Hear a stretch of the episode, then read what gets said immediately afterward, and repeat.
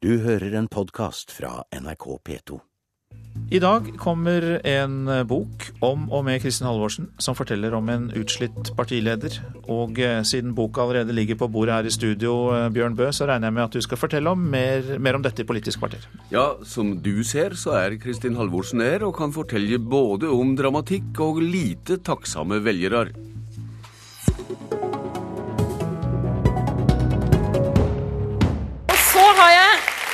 Lyst til å takke Jens og Åslaug og Liv Signe fordi vi skrev historie sammen. Fordi vi har fått til utrolig mye bra som velgerne har fortjent. Velkommen i studio, Kristin Halvorsen. Jo, takk. Vi hørte fra det omfram landsmøtet i mars da du gikk av som partileder. Velgerne har fått eh, noe velfortjent, mener du, men de takka deg ikke ved valget. Interne kamper i regjeringa var beinharde, og det gikk på helsa løs, hørte vi i Dagsnytt.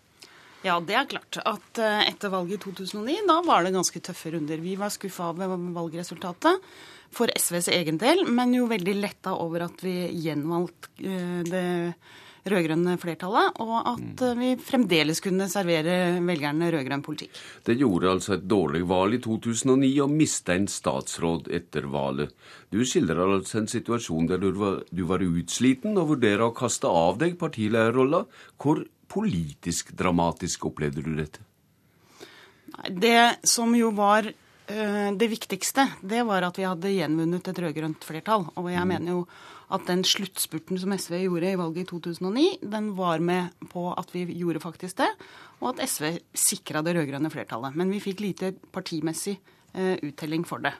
Og i de fire første årene av det rød-grønne samarbeidet så hadde jo jeg drevet en ekstremsport i å kombinere jobben som finansminister og være partileder for et parti som aldri hadde vært i regjering før. Og vi hadde mye å lære, men også store gjennomslag. Og for første gang den utrolige gleden av å kunne gjennomføre saker som man hadde slåss for i opposisjonen i veldig mange år. Ta full barnehagedekning, f.eks. Fantastisk å få være med på det løftet. Men valgresultatet var skuffende for oss. Det var helt opplagt at det velgerne og det vet vi fra valgundersøkelser, det er ikke noe jeg finner på eller bare etter å ha snakka med to-tre velgere. Det var hvordan vi håndterte finanskrisa og den store velferdsreformen på mange tiår, nemlig barnehagereformen, som var den viktigste kapitalen det rød-grønne flertallet hadde. Og i begge de sakene så var jo SVs og min innsats helt avgjørende for at vi skulle komme i mål. Men på valgdagen fikk vi ikke noe uttelling for det. Ja, og så var det tida etterpå da det virkelig røyner på, kan vi lese i det beste vi har sett av boka. Der forteller en at SV-er kaller Arbeiderpartiet for herrefolket. Du sier sjøl i boka at du mener Arbeiderpartiet hadde en stor føremon av SV i regjering, men at de der bare var opptatt av å cashe inn valgsigeren, for å sitere. Hva kunne Jens Stoltenberg gjort annerledes for å gjøre det lettere for deg? Jeg har beskrevet det fordi det er veldig viktig for velgerne å vite at deres stemme har stor betydning. For når man sitter etter et valg og gjør opp status for et valgresultat, da er det kjøttvekta som teller. Da er det partienes oppslutning som teller. Det er det som avgjør hvor mange statsråd man får. Det er det som avgjør politisk gjennomslag. Og det er ikke noe sånn koseprat. Det er en maktkamp mellom partier. Og det er klart I 2009 så var det jo en ganske spesiell stemning, for Arbeiderpartiet hadde gjort et veldig godt valg. Eh, og de hadde gjort et godt valg på saker som vi hadde bidratt veldig sterkt til. Senterpartiet de hadde omtrent samme uttelling som de hadde fire år før, og vi hadde en klar tilbakegang. Dette skylder ikke jeg på Arbeiderpartiet eller Senterpartiet for. Dette er et ansvar som SV må ta sjøl.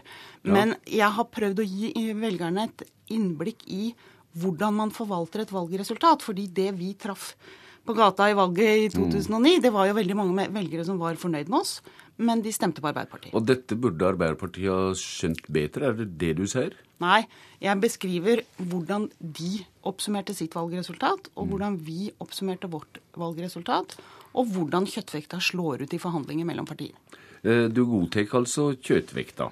I hva grad er kjøttvekta ved eventuelle nye regjeringstinginger det eneste rette utgangspunktet etter ditt syn, når vi ser det i sammenheng med nettopp det at eh, det har vært med på en politikk som Arbeiderpartiet har fått eh, vinst av? Jo, men Det er alltid det som er utgangspunkt eh, for forhandlinger. Det var det i 2009, og det var det i 2005, og det vil det være etter alle valg. Mm. Så er det jo sånn at eh, jeg mener at SVs innflytelse over Soria Moria 1 og Soria Moria 2 har vært mye større enn den uttellinga vi har fått gjennom eh, politiske gjennomslag. Vi forandra utenrikspolitikken, vi forandra fordelingspolitikken, vi fikk til barnehageforliket. Eh, og og det som, er, det som jeg tror er veldig viktig for velgerne å vite, det er hvordan dette faktisk ser ut når du gjør opp status for et valg. Fordi velgerne stemmer på ett parti, de stemmer ikke noen prosenter på det ene og noen på det andre. Gjennomslag heter boka om og med deg, Kristin Halvorsen. Og det virker som du mener det fremdeles trengs argumentering for at det rød-grønne regjeringsprosjektet er rett? Selvfølgelig gjør det det. Selvfølgelig gjør det det. Høyre og Fremskrittspartiet turner høyt på meningsmålingene, og jeg ser ingen grunn til at de skal vinne neste valg. Derfor har jeg fortalt min historie til Lilla Sølhusvik. Jeg har fortalt mer enn jeg egentlig hadde tenkt da vi begynte. Det er mange flere episoder som velgerne ikke vet om eh, fra før, men det er historien om et historisk samarbeid mellom Arbeiderpartiet, og Senterpartiet og SV et rød-grønt samarbeid med en veldig klar politisk kurs, hvor SVs gjennomslag har vært mye større, særlig enn det vi sjøl hadde opplevelsen av i begynnelsen av samarbeidet. Hvor SV helt opplagt har gjort noen feil, hvor jeg sjøl har gjort noen feil, som jeg heller ikke legger skjul på.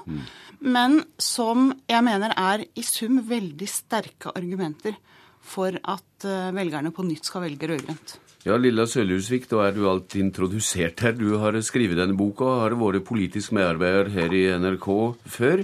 Det står at i valgkampen i 2009 streva både SV og Senterpartiet med å markere seg som noe annet enn vedheng til Arbeiderpartiet. Hva er skillnaden på det du skriver og det Kristin Halvorsen er direkte sitert på i boka? Det er jo på en måte en, en observasjon som jeg gjorde sjøl. Og det som var foranledning til det du skriver, var vel en sånn situasjon i, i, i, åpningen av valgkampen der Jens Stoltenberg viser at han vil regjere sammen med disse damene her, og så slo han ut armene og, og pekte på Kristin Halvorsen og Liv Signe Navarsete. Nå har jo jeg lært etter hvert at det er noe Kristin ikke setter så veldig stor plass til, eh, pris på, å bli kalt damene her. Men Denne boken her er uansett et samarbeid mellom Kristin Halvorsen og meg. Kristin Halvorsen, det som er hennes sitater, det er hennes sitater, og det står utheva i boka. Og dette er også hennes historie, sånn at det er hun som er hovedkilden i denne boken. Eh, jeg har snakka med veldig mange andre kilder også, SV-kilder først og fremst. Eh, de andre kildene har vært med på å fylle ut bildet. Men det er for så vidt det er min fortelling fortalt med mine ord. Har Kristin Halvorsen stråket mye av det eventuelt ville du har funnet på? Nei, altså Det er noe med at det, det er Kristin Halvorsens eh, fortelling, og hun er såpass fargerik sjøl at jeg trenger ikke legge på så himla mye av mine egne fargerike formuleringer her. Jeg mener det aller meste har fått stå. Det er noen sammenhenger Hun er fargerik, har et fargerikt språk. I noen sammenhenger har hun følt eh, behov for å moderere noe. Og det er sånn som skjer med sitatsjekk. Mm. Eh, men det er ingen det er ingen politiske nyheter, ingen store, viktige ting som er endra. Det er heller ikke noen politisk vektlegging som er endra gjennom dette arbeidet. Nå sitter Kristin Halvorsen fremdeles i regjeringa. Hvor mye taktikk ligger det bak det som er med, og det som ikke er med i boka? Det har jeg selvfølgelig tenkt en del på. Ehm, men jeg har tenkt også at det kan ikke jeg ta hensyn til, hva som er hennes taktikk og ikke taktikk. Mitt utgangspunkt har vært å fortelle historien. Jeg var interessert i å høre hva Norges første kvinnelige eh, finansminister, nummer to i regjeringen og SV-leder i 15 år, eh, hadde å fortelle. Jeg mener hun har en utrolig spennende historie å fortelle. Eh, og jeg har jobba på vanlig journalistisk vis. Jeg vil gjerne ha ut absolutt alt. Og så har vi vel også og jeg mener også jeg har skrevet absolutt alt. Eh, Eller unnskyld, det kan jeg ikke vite. Men i hvert fall så absolutt alt jeg har fått vite, det står der. Ja, ja Vi kan vel ikke vente at du er helt ærlig så lenge du sier til denne regjeringa her eh, som du gjør, Kristin Halvorsen. Men hva saker eller situasjoner har fått deg til å vurdere å ta SV ut av regjering? Jeg har ikke vurdert uh, i løpet av den perioden her at SV skulle ut av regjering fordi vi har fått et mandat fra velgerne om å samarbeide i et fellesskap sammen med Arbeiderpartiet og Senterpartiet for å gjennomføre en politikk for rettferdighet og bedre miljø. Og det har vi gjort i smått og stort. Men det er klart det har vært veldig vanskelige eh, saker for oss, og særlig i begynnelsen. Fordi vi var førstereis i regjering. Vi visste ikke helt hvordan vi skulle eh, få til dette. Det var en stor overgang for vår stortingsgruppe. For vi som blei regjeringsmedlemmer, hadde ingen å spørre i eget parti om hvordan vi skulle gjøre ting. Um, så det var jo en hva skal jeg si, en ganske krevende, en ganske krevende runde. De rundene vi også har hatt om, om norsk Afghanistan-deltakelse, har selvfølgelig også vært øh, vanskelig. Men øh, Og Libya på det siste landsmøtet. Det er også en sak som er, er omtalt øh, i, i, boka. Mm. Du, har, du, har, du, har, hatt strev både med dine egne og med regjeringspartnerne samtidig, ikke sant? Jo, men selvsagt. Selvsagt. Vi har styrt landet. Vi har hatt ansvaret for viktige eh, spørsmål. Vi har eh, hva skal jeg si, vi har måttet få gjennomslag for saker som vi har, har eh, syntes vært avgjørende og viktige, og det har vi fått.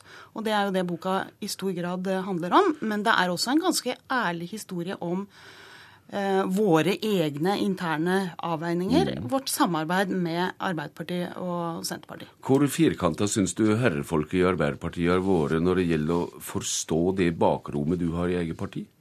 I begynnelsen så var det helt nødvendig at både Arbeiderpartiet og SV og Senterpartiet mm. lærte hverandre mye bedre å kjenne. Fordi det er når man vet det, når det virkelig blir viktig for de andre partiene at en kan lage gode kompromisser. Og jeg håper du legger merke til at dette herrefolket er i hermetegn. Kristin Holvorsen, kort til slutt. Boktittelen 'Gjennomslag' har vi vært inne på. I hva grad er det ordet du gjerne ser som ettermæle på ditt 15-årige virke som partileder? Det er i veldig stor grad det som er historien om, om SVs deltakelse i det rød-grønne samarbeidet. At vi fikk gjennomslag for saker vi hadde slåss for i opposisjon i veldig mange år, i samarbeid med Arbeiderpartiet Eh, og Senterpartiet. Og det er det viktig for velgerne å vite i god tid før neste valg. Takk til deg, Kristin Halvorsen. Du er nå på, på, vei ut for å fortelle mer om innholdet i denne boka. Og takk til deg også, Lilla Sølhusvik.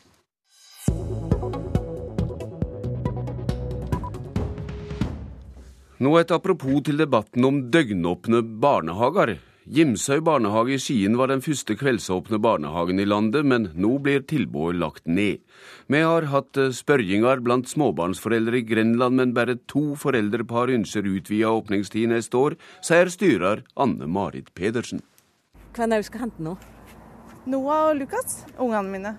De er to og fire. Hanne Marte Heimdal er en av de mødrene som faktisk har nytta seg av kveldsåpne barnehager. Jeg har brukt kveldsåpen barnehage pga. at jeg jobber, jobber turnus.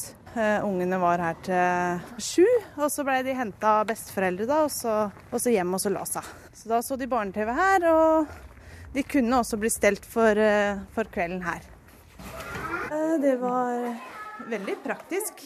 Anne Marit Pedersen, du er styrer her. Og det var først i landet, faktisk, med slik utvida åpningstid? Det var vi aller først i 1994. Eh, og den ble åpna på bakgrunn av en brukerundersøkelse her i, i, Skien kommune. Så det var behov for eh, åpningstid etter halv fem. Vi er jo en, i et industriområde, så det er kanskje ikke så rart med turnusarbeid og det hele. Men nå er det altså ikke lenger behov? Nei, det har vist seg de siste åra. Nå har det vært færre og færre søkere. Eh, I gjennomsnitt det siste året nå hadde vi to barn hver kveld. Og det koster jo en del penger ekstra, så det var ikke aktuelt egentlig for Skien kommune å drive lenger nå. radio. Ja, så hun lurte på hva du syns om å være her på kvelden? Når du var det? Jeg skal på kino. Mm. Ja.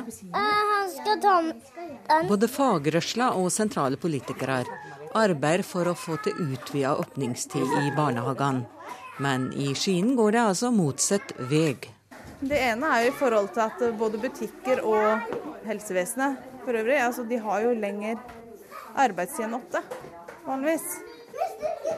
Så det kan jo være litt det, for da må man ha en uh, barnevaktsordning i tillegg. Men du tror det er behov for det? Jeg tror det. Einingsleder i Skien kommune, Mette Kristiansen, sier at noe av grunnen trolig er at foreldre er flinke til å samarbeide. Et barn har jo to foreldre. Om ikke foreldrene bor sammen, så er jo foreldre nå veldig til å samarbeide. Sånn at de, de prøver alltid å få til en løsning, og de ønsker å være mest mulig sammen med barna sine. Og er det to foreldre som har turnus, så prøver de å tilpasse sånn at de ikke har turnus samtidig, sånn at de har muligheten til å være sammen med barna og, og bare kun bruke det ordinære tilbudet. Det er i grunnen de tilbakemeldingene vi, vi mye har fått. Så du tror kanskje at behovet er mindre enn en skulle tro? Ja, jeg tror det ut ifra de erfaringene vi har gjort i alle de årene. Altså, vi begynte jo med kveldsavdeling i 1994, og vi har jo måttet trappe ned med jevne mellomrom på tilbudet. Vi starta jo med mange flere dager. Nå det siste året så var det to, to kvelder. Så, så behovet jo, er jo langt mindre. Det som vi også ser, det er jo at uh, hvis det er enslige som jobber i varehandelen, så jobber ikke de så mye på ettermiddag og kveld lenger. Da, da er det andre yngre skoleungdom og studenter studenter som jobber mer, f.eks. Reporter her var Anne Lognvik. Politisk kvarter er slutt. Jeg heter Bjørn Bø. Du har hørt en podkast fra NRK P2.